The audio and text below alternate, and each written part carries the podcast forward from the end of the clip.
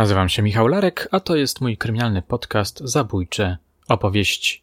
Sprawa Wiktorii C. i innych dziewczyn.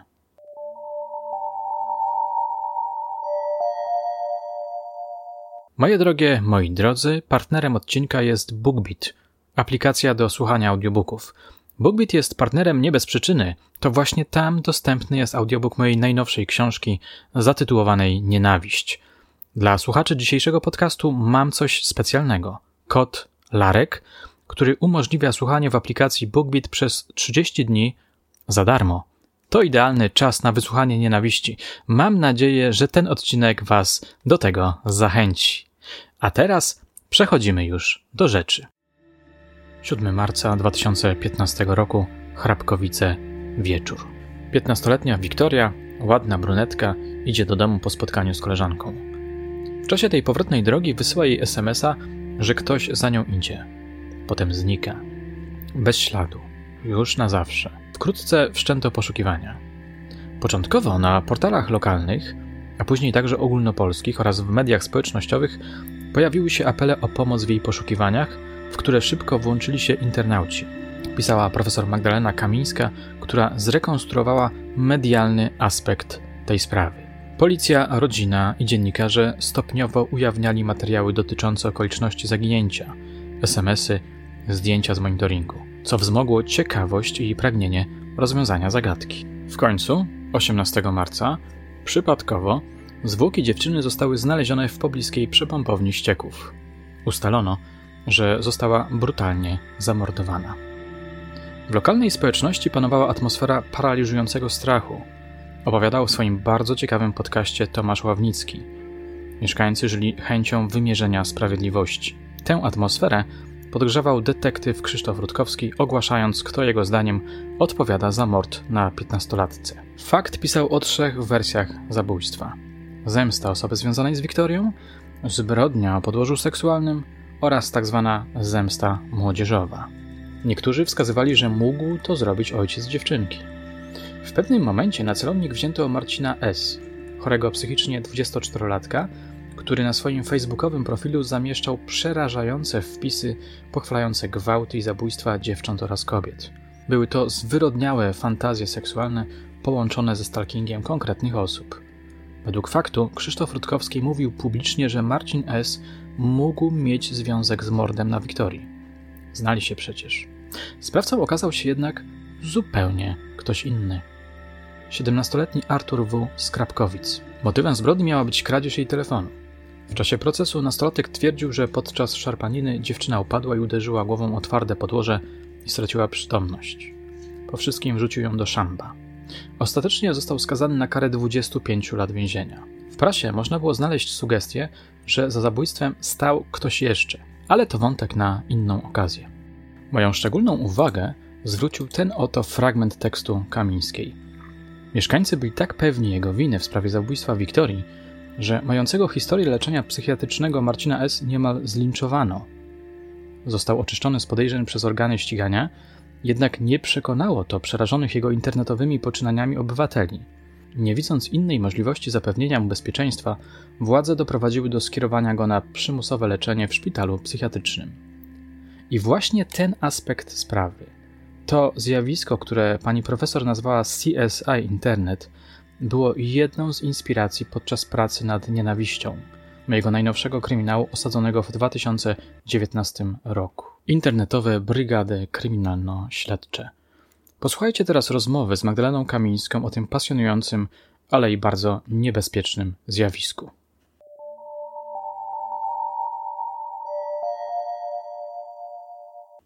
Dlaczego zaczęłaś badać twórczość trukrajmową? E, właściwie nie zaczęłam badać twórczości, tylko zaczęłam badać odbiór. To on mnie najbardziej zainteresował, on mnie pociągnął. Ja się tym w ogóle generalnie zajmuję. Nie tyle samymi na przykład memami internetowymi, tylko tym, co ludzie o nich myślą, jakie interpretują, co z nimi robią, jakie wytwarzają. I z Trukalmem było analogicznie. Zauważyłam y, jako bardzo fascynującą dla mnie rzecz ogromne zainteresowanie, którzy, które budzą prawdziwe przestępstwa i relacje o nich, czy publicystyczne, czy takie właśnie amatorskie w social media. I ogromną ilość zaangażowania, komentarzy, szerów które w tym momencie coś takiego wywołuje, zwłaszcza jeżeli sprawa się jeszcze dzieje, ma w sobie dużo zagadek, ludzie mogą na te zagadki po swojemu odpowiadać i odpowiadają na nie według tego, co wiedzą i według swoich wyobrażeń o świecie, bardzo często czerpanych z kultury popularnej. Tutaj było bardzo ciekawe dla mnie to, w jaki sposób ludziom się zamazuje granica między fikcją a rzeczywistością, między czymś, co widzieli w serialu Netflixa albo w filmie fabularnym, a tym, co się zdarzyło ich sąsiadce na ulicy obok. Ewidentnie te dwie płaszczyzny zaczynają się zacierać, co pokazuje, że kultura popularna jest dla nas dzisiaj bardzo ważnym właśnie źródłem wiedzy o świecie, całe schematy zachowań, motywacje, co się mogło stać, jak należy to rozumieć, dlaczego tak się stało, ludzie autentycznie biorą z kultury popularnej. Po czym zaczęłam zauważać, że to narasta, że to wszyscy widzą, publicyści i amatorscy, i profesjonalni, jak bardzo duże zainteresowanie to budzi, no i siłą rzeczy za tym idzie cała siła mediów bo zaczyna to trendować, zaczynają się, zaczynają się pojawiać kolejni narratorzy, którzy chętnie nam opowiedzą o tych przestępstwach i robi się taka śniegowa kula. Zaczyna to narastać, zaczyna to być coraz bardziej sensacjonalistyczne, no i toczy się w taki sposób, że może być interpretowane jako niebezpieczne społecznie, potencjalnie. Kultura popularna to są emocje, to jest zarządzanie emocjami. Właściwie można by powiedzieć, że to jest takie rozhuśtywanie emocji. E, czy ten true crime, czy odbiór true crime'u interesuje Cię też z powodu właśnie tej mocy oddziaływania emocjonalnego na ludzi? Tak, to znaczy, no to już jest może robota dla psychologa bardziej niż dla kulturoznawcy, bo ja nie jestem w stanie stwierdzić, na ile te emocje są trwałe, jak je w ogóle nawet nazwać. Natomiast trudno tego nie zauważyć. Tego potężnego ładunku, e, tego brania do siebie wydarzeń, które się zdarzyły osobie zupełnie obcej, nam nieznajomej w jakimś innym w ogóle mieście. Ale jeżeli jest to dobrze opowiedziane, odnosimy to do swojego własnego życia, to też jest interesujące, jeśli chodzi o true postawiono taką hipotezę naukową, że E, opowieści true w szczególny sposób przeciągają kobiety, ponieważ one radzą sobie z swoim własnym e, problemami, na przykład z przemocą domową. Odnosząc do tego historię z kultury popularnej, ale też historie true że ludzie próbują poradzić sobie też z zagrożeniami, z problemami z kontrolą, Y, czerpiąc wiedzę z tych true opowieści. I na pewno też to widziałeś w komentarzach czy w grupach, które się interesują takimi rzeczami. Y, od dwóch tygodni nie jem, nie śpię i psa nie wyprowadzam, bo ja cały czas myślę o tej zamordowanej dziewczynie. Nie mogę spać, płaczę całymi dniami, jej w ogóle nie znałam. W jakiś sposób poczułam się z nią nie wiem, w, jakiejś, w jakimś związku empatycznym, przejęłam się jej losem bardziej niż mogłam się przejąć osobą na przykład y, bohaterką fikcyjną, bo ona istniała naprawdę, tak? Widzieliśmy to w Poznaniu na przykładzie Ewy T. i jej po prostu ostatniej drogi, gdzie chodziliśmy po mieście i przechodząc określonymi ulicami słyszeliśmy od ludzi, o tu tędy szli. I to jest coś, co się przeżywa bardzo silnie, zwłaszcza jeżeli y, rozgrało się gdzieś blisko nas. Ta sprawa w ogóle jest ciekawa e, z punktu widzenia zacierania się prawdy i fikcji, ponieważ wcześniej książkę, która jakby wyprzedziła tę historię, napisała Joanna Opiat-Bojarska. Historie zaginięć tajemniczych, młodych, ładnych dziewczyn są wszystkie do siebie jakoś podobne. I może to, nie wiem, należy wiązać z efektem halo, tak? że zaginięcie takiej osoby, czy coś, co jej złego się przydarzy, zawsze budzi większe zainteresowanie, niż gdyby zginął starszy pan. Może tak, może wszystkie historie zaginionych, ładnych dziewczyn mają coś wspólnego, czy są podobne, nie wiem jak to widzisz jako ekspert od narracji, ale może mają pewne wspólne cechy. Gdzieś tutaj jakiś podtekst erotyczny musi być zawsze i tak dalej. Nie? No już Edgar Allan Poe mówił o tym, że śmierć pięknej, młodej dziewczyny przyciąga najbardziej uwagę i i pisarze powinni w tym kierunku iść. A znasz hipotezę, że to on zamordował nie, nie. E, Marię Roże, o której napisał opowiadanie? Nie, tego nie słyszałem. To polecam wszystkim zajrzeć do internetu. Być może opisał sam siebie. Był osobą na tyle ekscentryczną i dziwną, żeby nam to świetnie pasowało właśnie do naszych wyobrażeń o zabójcy. Znam teorię mówiącą o tym, że był nekrofilem, ale że był mordercą Mm, to nie. Mm, odpowiadałaś teraz jako badaczka, przedstawicielka społeczności uniwersyteckiej, jako po prostu człowiek, osoba, kobieta. Po, lubisz podcasty true Tak, generalnie rzecz biorąc mnie to wciąga bardziej niż fabuła kryminalna. No, nie będę sobie robić sam analizy, bo też to nie należy do, mojego, do moich zawodowych obowiązków, powiedzmy, ale coś być może w tym jest, z racji takiej, że kobiety w moim wieku są bardziej zainteresowane true crime'em i na to są statystyczne dowody. Coś jest w tym, że, że tak jest. Wyjątkowo dużo podcasterek też jest kobietami w podobnym, powiedzmy, wieku. Nie wiem, gdybym była psychologiem amatorem, że tak, że odkrywają się dla mnie jakieś bardzo mroczne elementy kobiecej psychiki, może spacyfikowane oczekiwaniami społecznymi wobec kobiety, ale kobiety są potężnie krwiożercze i to widać w komentarzach do true crime'ów. Tak, kobiety coraz częściej domagają się bardzo brutalnych, krwawych powieści kryminalnych i true crime'owych oczywiście też. I pamiętam kiedyś czytałem recenzję z jakiejś mojej książki, pozytywną całkiem, ale autorka tej recenzji mówiła tak: hmm, hmm, hmm, Pan Larek jeszcze jakby się wahał przed opisywaniem brutalnych mordów. Jak widzę, uwaga, brutalne sceny tylko dla dorosłych, to owszem, interesuje mnie to bardziej. To tyle mogę mm. stwierdzić. W jednym ze swoich tekstów y, używasz takiej formuły internetowa kultura wernakularna. W przypisie pojawia się podcast y, Marcina Myszki, Justyny Mazur, mój, ja nawet wczoraj na stories na Instagramie puściłem fotkę z tym e, przypisem. Mogłabyś wytłumaczyć, co to właściwie e, znaczy? To jest takie pojęcie z braku laku, dlatego że do kultury internetowej, zwłaszcza do tej wytwórczości takiej amatorskiej albo półamatorskiej, albo profesjonalizującej się dopiero, nie do końca moim zdaniem pasuje określenie kultura popularna która funkcjonuje na zasadzie przemysłów, dużych koncernów medialnych, które wytwarzają pewien produkt, najpierw przeprowadzając badanie rynku, dokładnie celując w określony target i tak dalej, wchodząc w te mechanizmy rynkowe czysto. A w internecie wciąż jest sporo wytwórczości oddolnej, która na troszeczkę innych zasadach działa.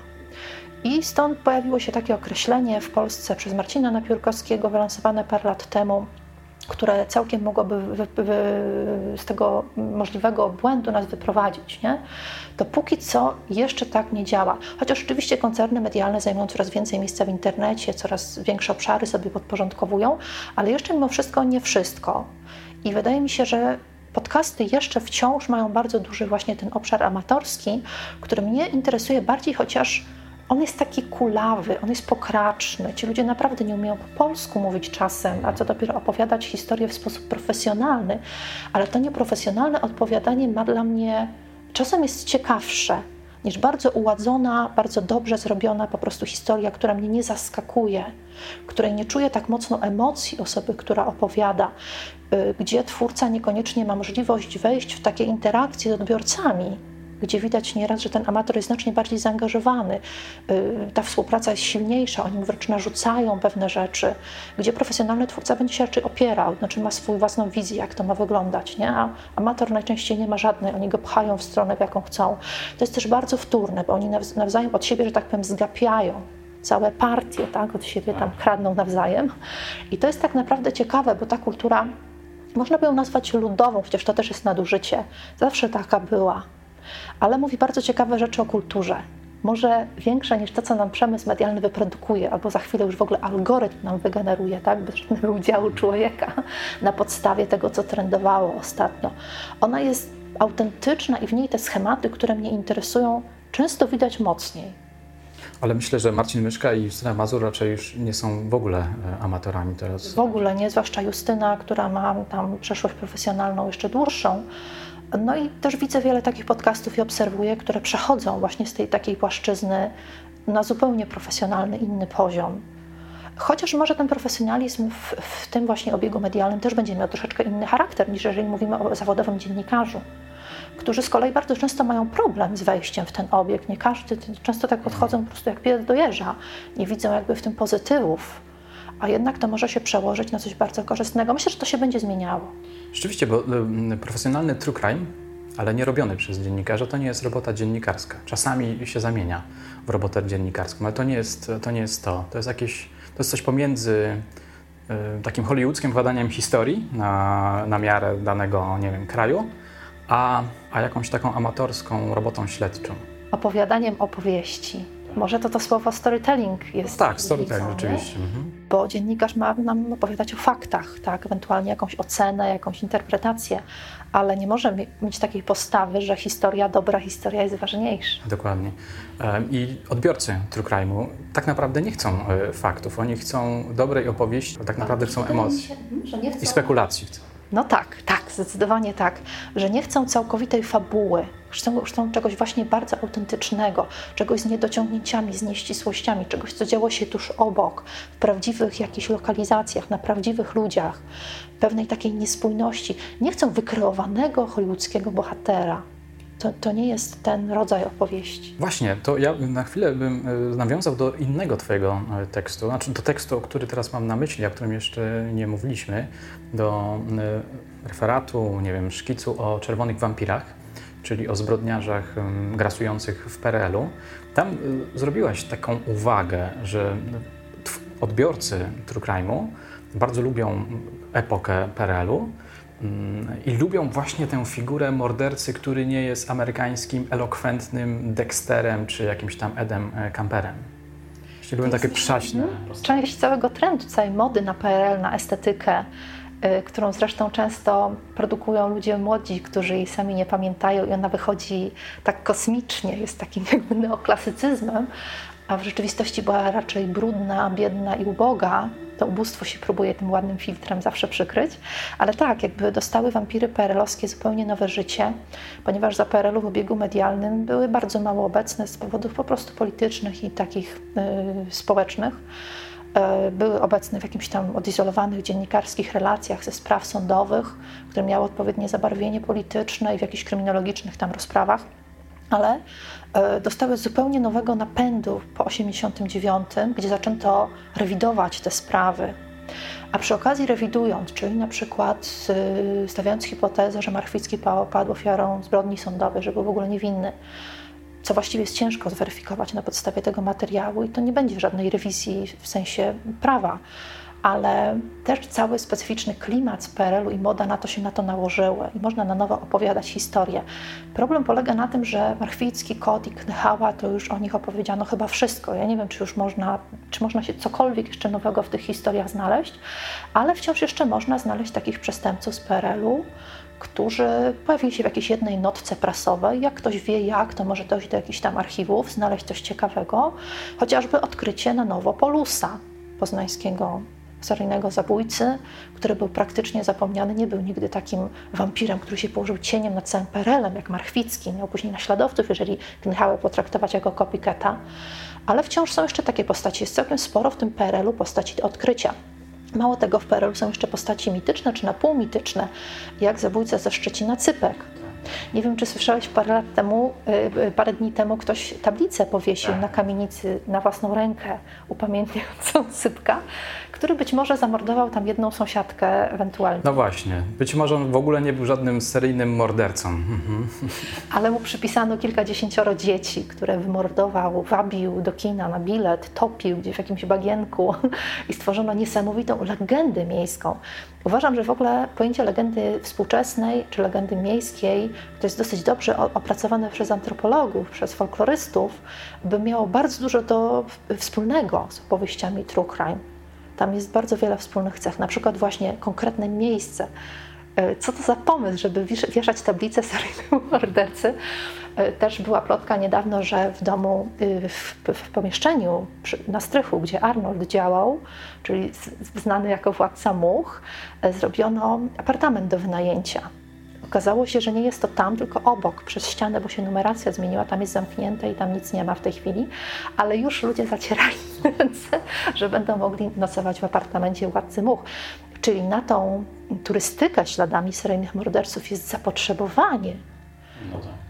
Ludzie chcą odwiedzać te miejsca, chcą poczuć zainteresowanie grobami tak, poznańskich na Miłostowie seryjnych zabójców też jest ogromny. Ktoś tam podobno grób komuś opłacił, bo mieli go... Tak, jest kolega ze Stanów. No Kolanowskiemu. Tak.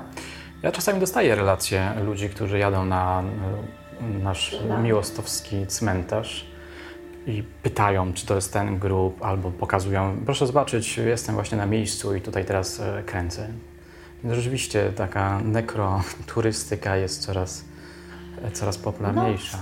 No, Śladami Kuby rozprowacza są wycieczki nie od dziś, to właściwie czemu nas to powinno szokować, ale fajne jest właśnie to odkrywanie. Tu się zdarzyło coś przerażającego, niesamowitego, to jest zwykłe miejsce, którym codziennie przechodzimy, a ono ma taką historię. To jest coś, co bardzo angażuje emocjonalnie. Mhm. Czy ten PRL przestaje być trochę polityczny, a staje się bardziej taki, no właśnie, wampiryczny.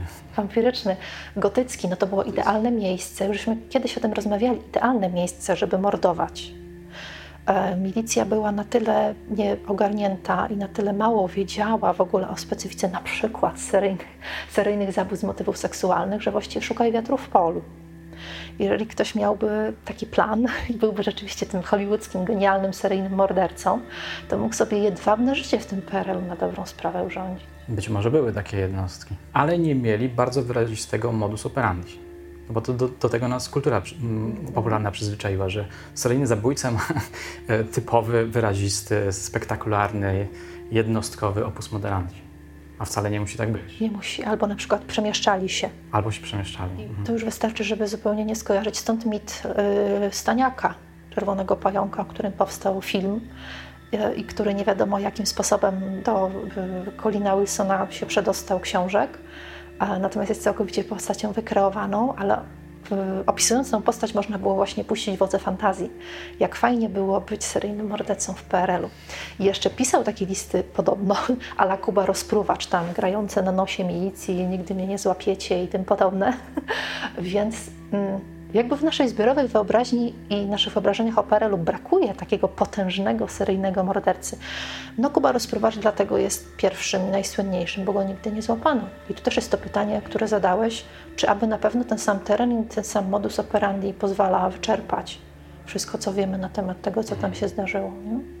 Tak, chciałem Cię zapytać o ten true crime czytany przez e, badaczkę e, kultury popularnej czy kulturoznawczynię. Taką jesteś przecież z zawodu.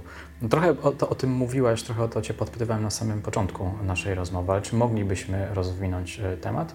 Bo interesuje Cię odbiór, interesują Cię emocje, które się udzielają. Czy coś jeszcze, jakieś zjawiska już bardziej konkretne?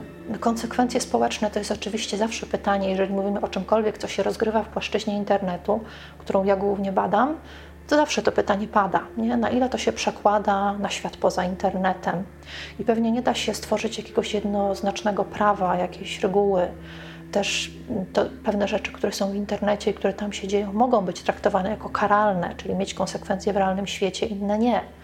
Natomiast e, to ogromne zainteresowanie zagadką kryminalną o charakterze true crime może nas prowadzić w bardzo niebezpieczne rejony, dlatego że ono staje się taką odmianą cyberwigilantyzmu, który jest rozpoznany głównie w Stanach Zjednoczonych, bo tam miał największy zasięg i najwcześniej, czyli ludzie, którzy biorą sprawiedliwość i pewne rzeczy należące do państwa w swoje ręce, zupełnie amatorzy. No i to się może skończyć bardzo różnie, włącznie z tym, że linczem.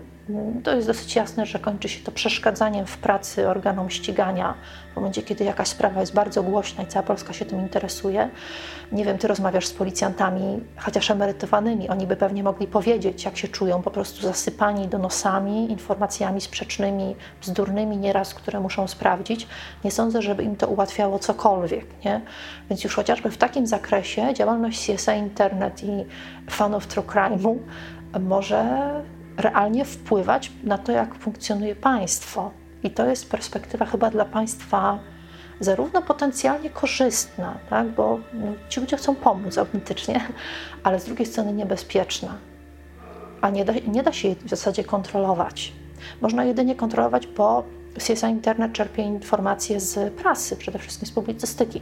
Można jak za PRL-u zatkać dziób dziennikarzom, żeby o sprawie nie pisali.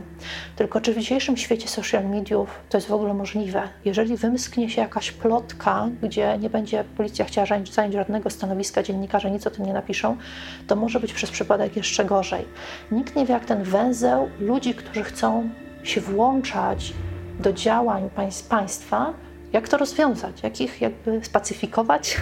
Jak ich kontrolować? Jak w ogóle do tego podejść? Czy to zinterpretować jako pozytywne czy negatywne? Ale już było parę niebezpiecznych sytuacji. A wyjaśnijmy jeszcze może to, to pojęcie CSI Internet, Tutaj nawiązujemy do Twojego e, tekstu, który właśnie tak jest zatytułowany CSI Internet. Tam mówisz o wspólnotach kryminalno-śledczych. Co to w ogóle są te e, wspólnoty? One się też ogniskują i bardzo często mają wiele wspólnego z, z takimi właśnie mm, lokusami true crime wokół na przykład podcastu czy kanału na YouTubie, potem wiadomo Instagram, potem Facebook i tam przychodzą ludzie zainteresowani jakąś sprawą, ale często, to, to tak nazywam e, ludzi, którzy biorą udział w, i próbują na własną rękę wyjaśniać sprawy, które się dzieją, które nie są zamknięte, jak sprawa jakiegoś parowskiego wampira, tylko ktoś zaginął i go szukamy. I w tym momencie, momentalnie, na przykład na Facebooku zaczynają powstawać grupki, bardzo często zakładane przez rodzinę zaginionej osoby, której z zrozumiałych względów zależy, żeby to nagłośnić. I liczą na pomoc ludzi. Ludzie przede wszystkim lokalni, czyli czy ktoś coś widział, czy ktoś coś słyszał, tutaj szedł, zniknął, coś się stało. Monitoringów nie możemy wyrwać, policja działa jakby chciała, a nie mogła, ludzie ratunku. Jeżeli to jest historia, która ma narracyjny potencjał na zagadkę kryminalną, ludzie angażują się niesamowicie gromadzą się w grupy poszukiwawcze. Tak? Jest coraz więcej takich półprofesjonalnych grup, które są właśnie wyzwa, wyzywane w takim, bo też trzeba wiedzieć, tak jak przeszukiwać teren, żeby samemu sobie coś na przykład chociażby nie zrobić. Natomiast schodzą się ludzie z osiedli, próbują tam przeszukiwać, przynoszą, a tutaj znalazłem jakąś koszulkę, a tutaj znalazłem coś, może to ma związek. I że tak powiem, bawią się w Sherlocków Holmesów na podstawie po raz kolejny narracji true crime'owych i narracji z kultury popularnej o tym, jak sobie wyobrażają działania śledcze. No, po drodze mogą coś zadeptać, ale najczęściej po prostu kierują się jakby w zupełnie inne, inne rejony, na szczęście. I czasami dzieje się tak, że sprawa zostaje wyjaśniona, na przykład po jakimś czasie, jak było Zewonte, chociaż jeszcze proces trwa. Yy, a ludzie nie dają sobie wmówić, że było tak, jak oświadcza policja, sąd i nawet rodzina upierają się, że było tak, jak oni sobie wymyślili w trakcie swoich niesamowicie intensywnych prac. Czasem ta wymyślona wersja tego, co się stało, jest po prostu lepsza narracyjnie, fabularnie niż jakiś banał. No, większość takich historii no nie kończy się ciekawie. Ktoś poszedł po pijanemu nad rzekę, wpadł i się utopił. No przecież dużo ciekawsze jest to, że go porwali na organy, że go sataniści złożyli w ofierze. To, to w ogóle nie jest historia. A jak ludzie już się wkręcili, to oczekują hucznego zakończenia. Hollywoodzkiego wtedy. Hollywoodzkiego. Mhm. I wróćmy do, tej, do, do tych naszych e, spraw prowadzonych przez e, brygady e, kryminalno-śledcze. Chciałem Cię zapytać o sprawę Wiktorii C. z Krapkowic, o, których, o której wspominasz w swoim tekście. To była jedna z takich pierwszych spraw, poza Iwoną Wieczorek, znaną wszystkim, które się właśnie rozkręciły na poziomie CSA Internet. Jeszcze nie tak bardzo w social mediach, jak w komentarzach na forach pod publikacjami prasowymi dotyczącymi tej sprawy. No i ta sprawa zboczyła w taki dość, dokładnie ten fenomen, o którym mówiliśmy, czyli yy, alternatywna wersja ludziom wydała się dużo bardziej wiarygodna, prawdopodobna, emocjonująca i ciekawa, dlatego że no, było dosyć jasne, chociaż pojawiały się oczywiście wątki, że ktoś tam samochodem wywiózł, nie wiadomo w jakim celu, ale było to raczej jasne, że zdarzyło się to za sprawą kogoś, kto jest z bliska. Tam włącznie z posądzaniem rodziny i tym podobne historie. I tak się też okazało. Okazało się, że to sąsiad zamordował za telefon, wiadomo. E, ale znaleziono bardzo blisko człowieka, którego znała cała lokalna społeczność i który był no, chory psychicznie. I e, jego aktywność w internecie zasugerowała im, że między tymi sprawami jest jakiś związek. To był człowiek, który wybierał sobie kobiety, dziewczyny z Instagrama, gdzieś tam z mediów społecznościowych, gdzieś, gdzieś w internecie je znalazł. Czasem gdzieś bliskie mu sąsiadki, koleżanki ze szkoły i zaczynał na ich temat fantazjować w bardzo okrutny sposób, no, na poziomie takiego sadyzmu seksualnego. I jak czytałam to jego, to zniknęło już w tej chwili z internetu, więc nie ma co szukać, ale jak czytałam tę jego historię, dużo widziałam w internecie, to mi ciarki szły po plecach. To jak bardzo konkretne miał fantazje dotyczące seksualnego torturowania konkretnych kobiet z imieniem i nazwiskiem. Jakbym była tymi kobietami, to bym umarła ze strachu, ale czytanie tego nie będąc nimi też było równie przerażające. I ludzie w prosty sposób sobie skojarzyli za przeproszeniem lokalnego świra, który ma akurat taką jazdę na młode dziewczyny z tym, co się zdarzyło, że młoda dziewczyna zginęła. Prosty związek, tak logiczny, że tak powiem, przyczynowo-skutkowy. No i zagrożono mu linczem. Człowiek nie mógł w ogóle wychodzić z domu, bo go po prostu była perspektywa zupełnie realna, że ludzie go zabiją. wypisywali, stukali do okien i takie tam historie. Po czym, żeby uniknąć tego linczu, spowodowano to, że on się znalazł w szpitalu psychiatrycznym, czyli z tej społeczności został wyizolowany. Nie wiadomo, jak ta sprawa się dalej potoczyła, nie ma żadnych informacji na ten temat, ale w międzyczasie znalazł się zabójca i został postawiony przed sądem. Więc być może ta sprawa ucichła, natomiast yy, historia tamta była lepszą historią. I to jest pewne realne niebezpieczeństwo, tak? że w prawdziwym życiu niekoniecznie ten, kto wygląda, jest sprawcą. To jest coś, co true crime nam absolutnie neguje, tak? Tam musi być jakiś związek, musi być jakieś zapętlenie. To nie może być tak, jak najczęściej jest, że zabija nas najbliższa osoba, gdzie nic tego nie zapowiadało. W zasadzie, no może trochę zapowiadało, ale nie do końca. Musi być wampir, który wyszedł po prostu straszny, z zakrwawionymi kłami gdzieś z jakichś krzaków i wtedy historia jest dobra. To jest pewne niebezpieczeństwo, które się kryje Czyli z jednej strony, tak, czyli z jednej strony chcemy faktów, a z drugiej strony chcemy hollywoodzkiego Emocji. przytupu. Tak, emocji, dramaturgii, sensacji, koszmaru, zwrotów akcji.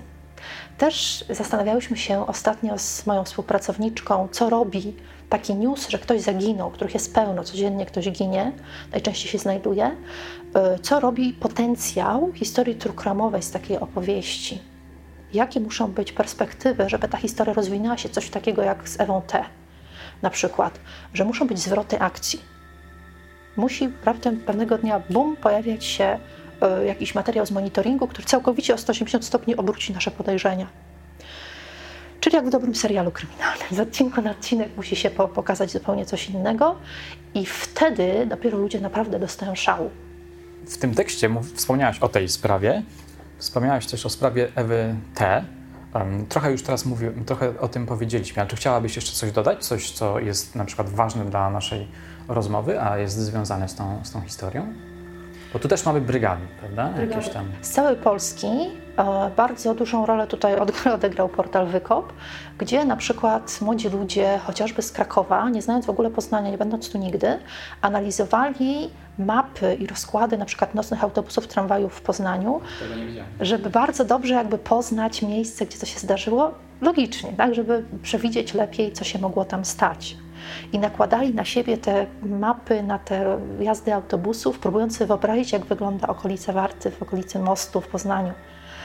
To było absolutnie fenomenalne i rzeczywiście w tej chwili widzimy coś takiego w true crime'ach na przykład amerykańskich, gdzie śledzimy, mm, często podcasterzy pokazują mapy dokładnie, żeby ludziom, ludzie sobie lepiej uzmysłowili, gdzie to się stało, bo to nam bardzo wiele mówi czy podpowiada na temat tego, co się stało. E, to jakby przekraczanie barier geograficznych do tego stopnia, że ludziom się to potrafi śnić, nie? to miejsce później, którego nigdy w życiu nie widzieli. Wydaje mi się, że w Ewie T zagrało jakby w tej sprawie najmocniej. Mhm. No i jeszcze wspomniałaś o sprawie Magdaleny Rzet. Czy tutaj rzeczywiście też brygady kryminalno-śledcze zaznaczyły swoją obecność? No bardzo, tylko że tutaj włączyła się jeszcze jeden, jedna rzecz, która chyba od sprawy Magdaleny Rzet, która w Egipcie zginęła w takich dość niewyjaśnionych okolicznościach, y, dołączyły się jeszcze trole internetowe które do tych materiałów, które były nagrane, dołączyły swoje własne materiały spreparowane, które powpuszczały w internet. Ja o tym w tym tekście akurat nie napisałam, żeby już nie mącić bardziej, tak jak złożona sprawa była.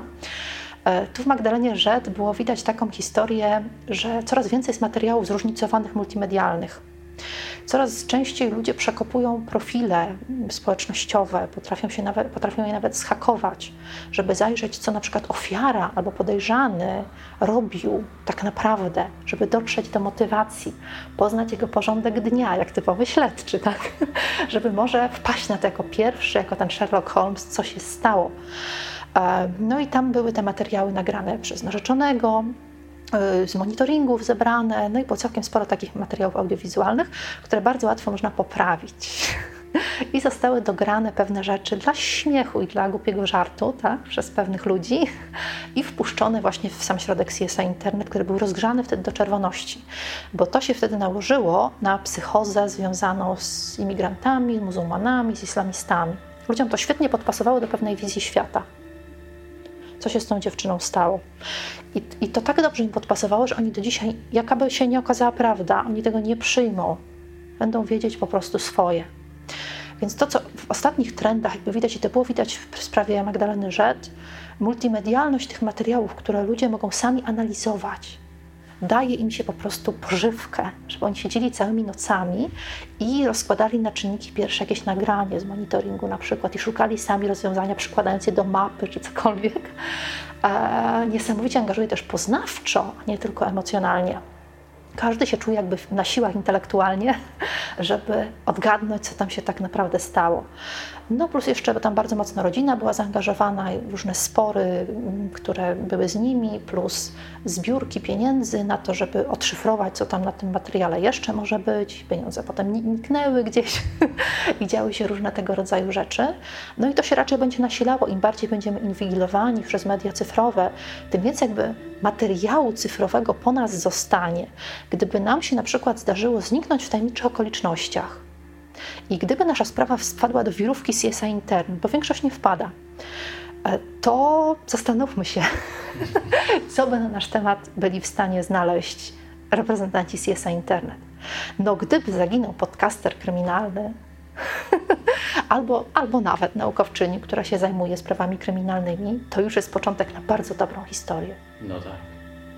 Słuchaj, to ja spróbuję coś takiego napisać. Dziękuję w takim razie za kolejną inspirację. Mhm. A zanim włączyłem rejestrator dźwięku, wspomniałaś o jeszcze jednej um, sprawie, czy może kategorii spraw, czyli o um, łowcach pedofilów. Czy mogli, mogłabyś parę zdań na temat brygad, które się specjalizują w polowaniu na pedofilów? No, takim koronnym przestępcą, którym są true zainteresowane, jest zawsze zabójca z motywów seksualnych i podobnych. No a no, pedofilia w tym momencie jest troszeczkę takim polowaniem na czarownicę się stała, bo właściwie wszyscy to potępiamy, tak?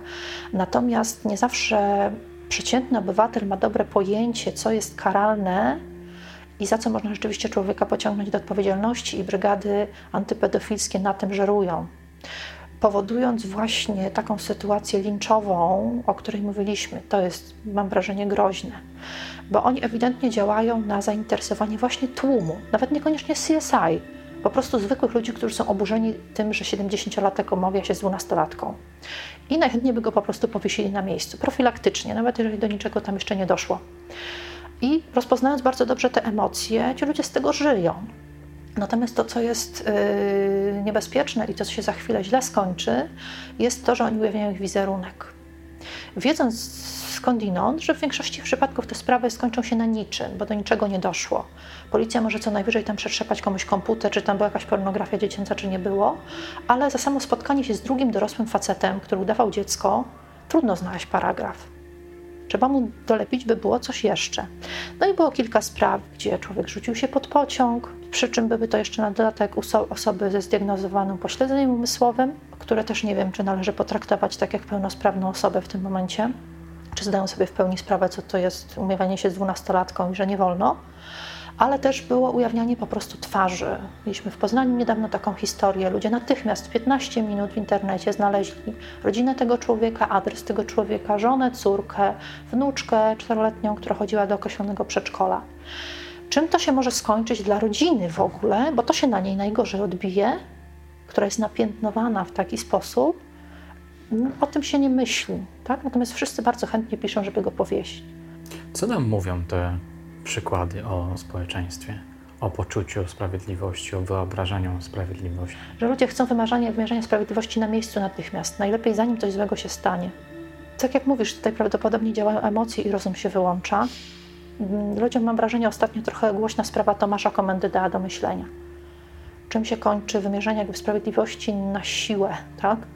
Doczepianie, no wiadomo, motywów do osoby, która jest w mniejszym lub większym stopniu właśnie bezbronna, której bardzo łatwo coś przypiąć, ale nie wiem, czy to będzie trwały jakiś efekt. Ludzie słyszą 70-latek, mówi się z 12-latką, powiesić od razu. Na co czekać? Nie wiem, czy społeczeństwo było kiedyś inne, ale na pewno media społecznościowe dały pożywkę, nie? że jest potrzeba polowania na czarownicę, No a jak akurat to będzie nie czarownica, tylko jakaś przypadkowa osoba, no to no trudno, no wypadki się zdarzają przy pracy, nie? Ale ludzie też są bardzo pewni swoich, swoich ocen. Być może właśnie dzięki kulturze popularnej, a być może dzięki manipulacjom medialnym. Jesteśmy w stanie wmówić im, że ten a ten to jest wampir i okrwawionymi kłami. Jak media jakąś postać dobrze wezmą w obroty, to są w stanie ją tak przedstawić i to też jest trochę przerażająca perspektywa. Czyli co, wychodzi na to, że takie popularne wyobrażenie sprawiedliwości można rozumieć jako chęć odwetu, żądza tak. zemsty? Tak, i to jest argument, który pewnie słyszałeś od swoich odbiorców. No tutaj mówisz, żeby w wyważony sposób do czegoś podejść, a sobie pomyśl, jakby to twoje dziecko spotkało. I ludzie myślą raczej w takich kategoriach, jakby to ich dziecko spotkało albo ich, a nie bardzo wiedzą, czym jest w ogóle prawo, nie? jak ono funkcjonuje.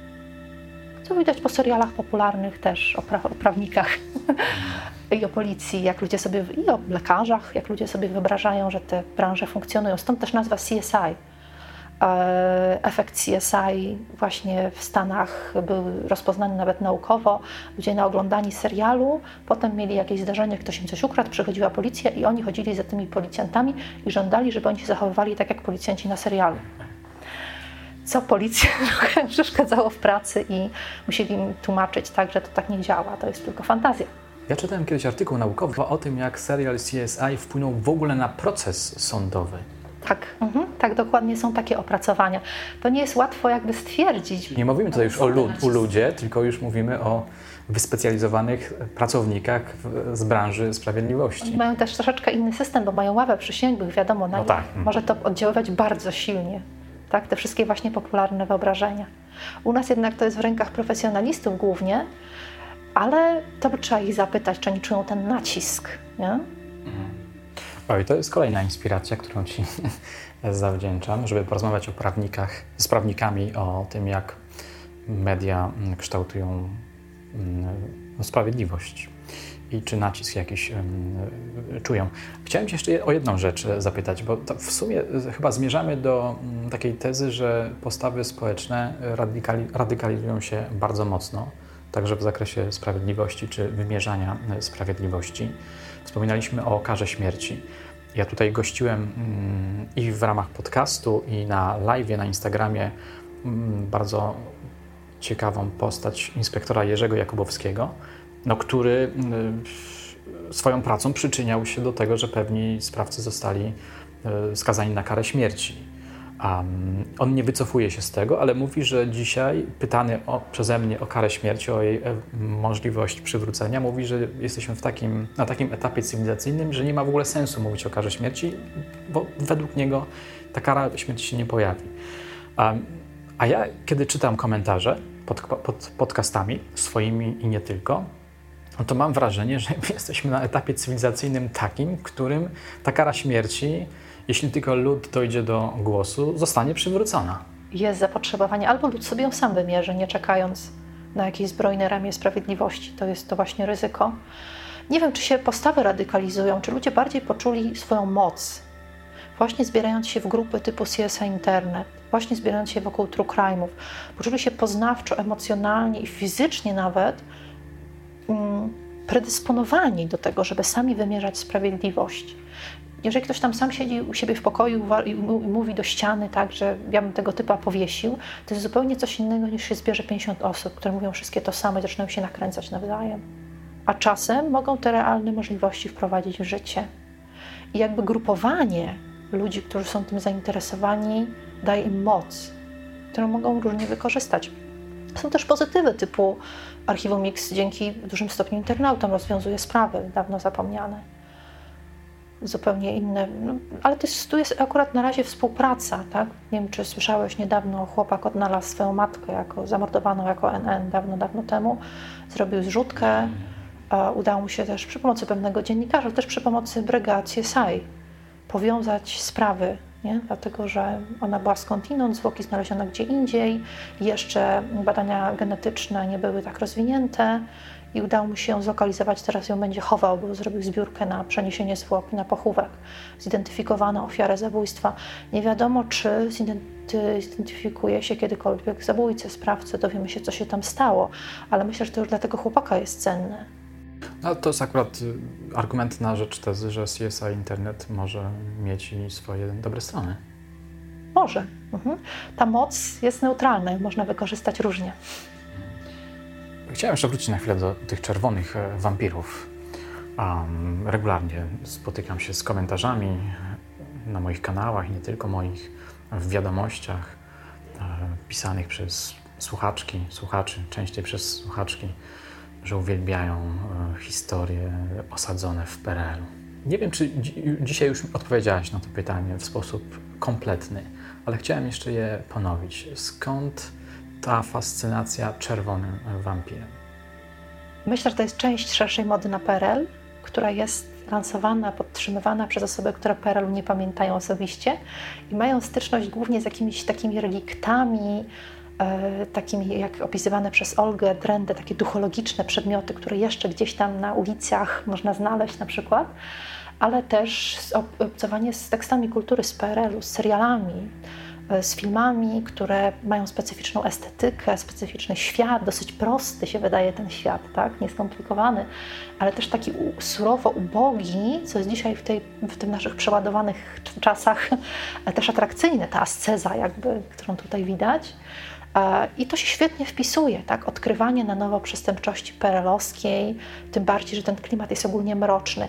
Myślę, że to znacznie większe zainteresowanie budzi niż próba na przykład żerowania na politycznej mroczności PRL-u, która można próbować połączyć, tak jak w ostatnim filmie o Grzegorzu Przemyku, tak? To jest element kryminalny i polityczny ale no, na razie NSOZ nie są entuzjastyczne, zobaczymy, ale ewidentnie estetyka perowska jest przerzuta tam po prostu do końca. Niedawno e, mieliśmy film Hyacynt, też kryminalno-polityczno-obyczajowy, czyli jest zdecydowanie potencjał.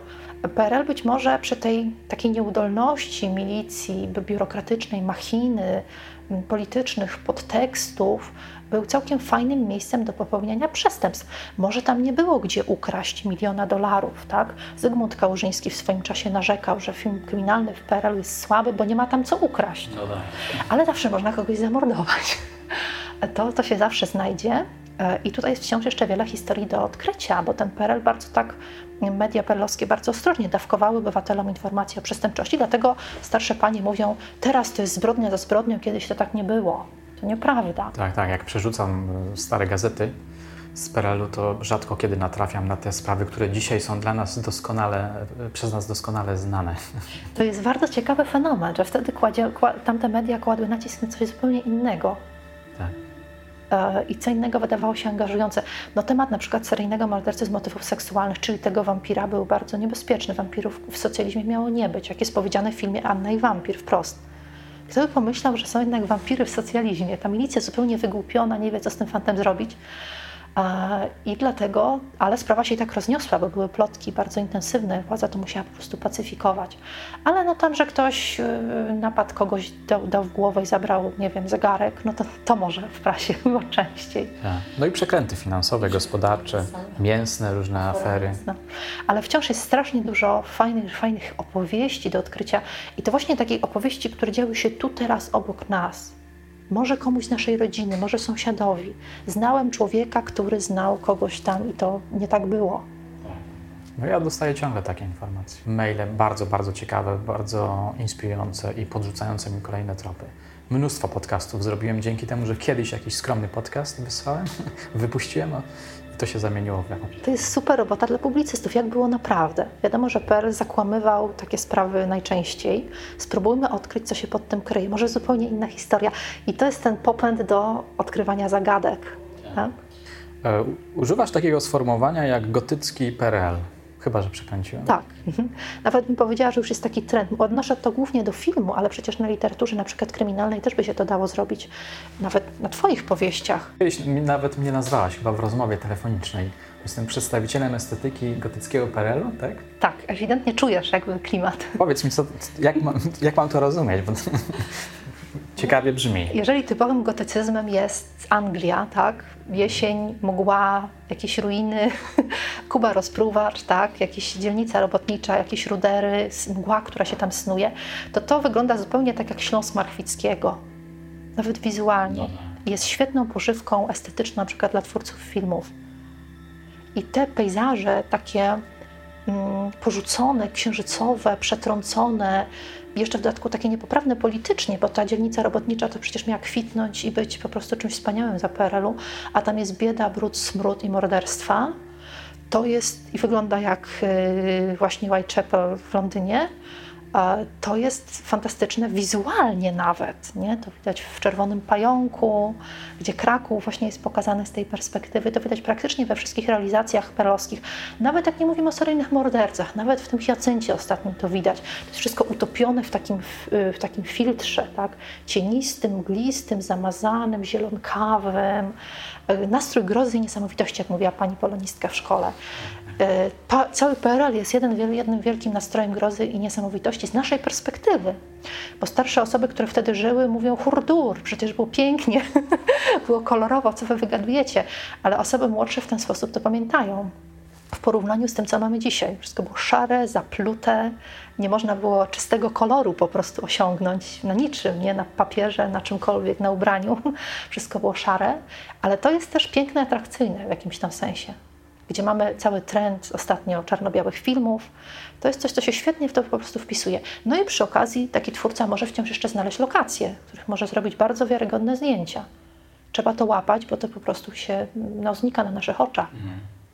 Więc myślę, że to gotycyzowanie PRL-u i przedstawienie go właśnie jako czegoś niesamowitego jest bardzo zauważalnym trendem w kulturze wizualnej ostatnich lat. A opowieści o seryjnych mordercach super się w to wpisują idealnie. Bardzo Ci dziękuję za to ja dziękuję za wymianę inspiracji.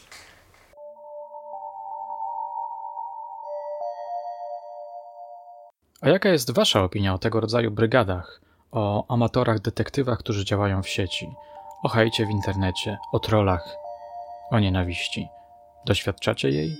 Jak sobie z nią radzicie? Piszcie do mnie w komentarzach, mailach, wiadomościach na Instagramie. Chętnie poczytam Wasze wypowiedzi. A teraz, żegnając się już, jeszcze raz zachęcam Was do sprawdzania nienawiści z kodem LAREK w aplikacji BookBeat. Nowi użytkownicy mają na to 30 dni za darmo. A na dzisiaj to wszystko. Dziękuję Wam za uwagę. Do usłyszenia już niebawem.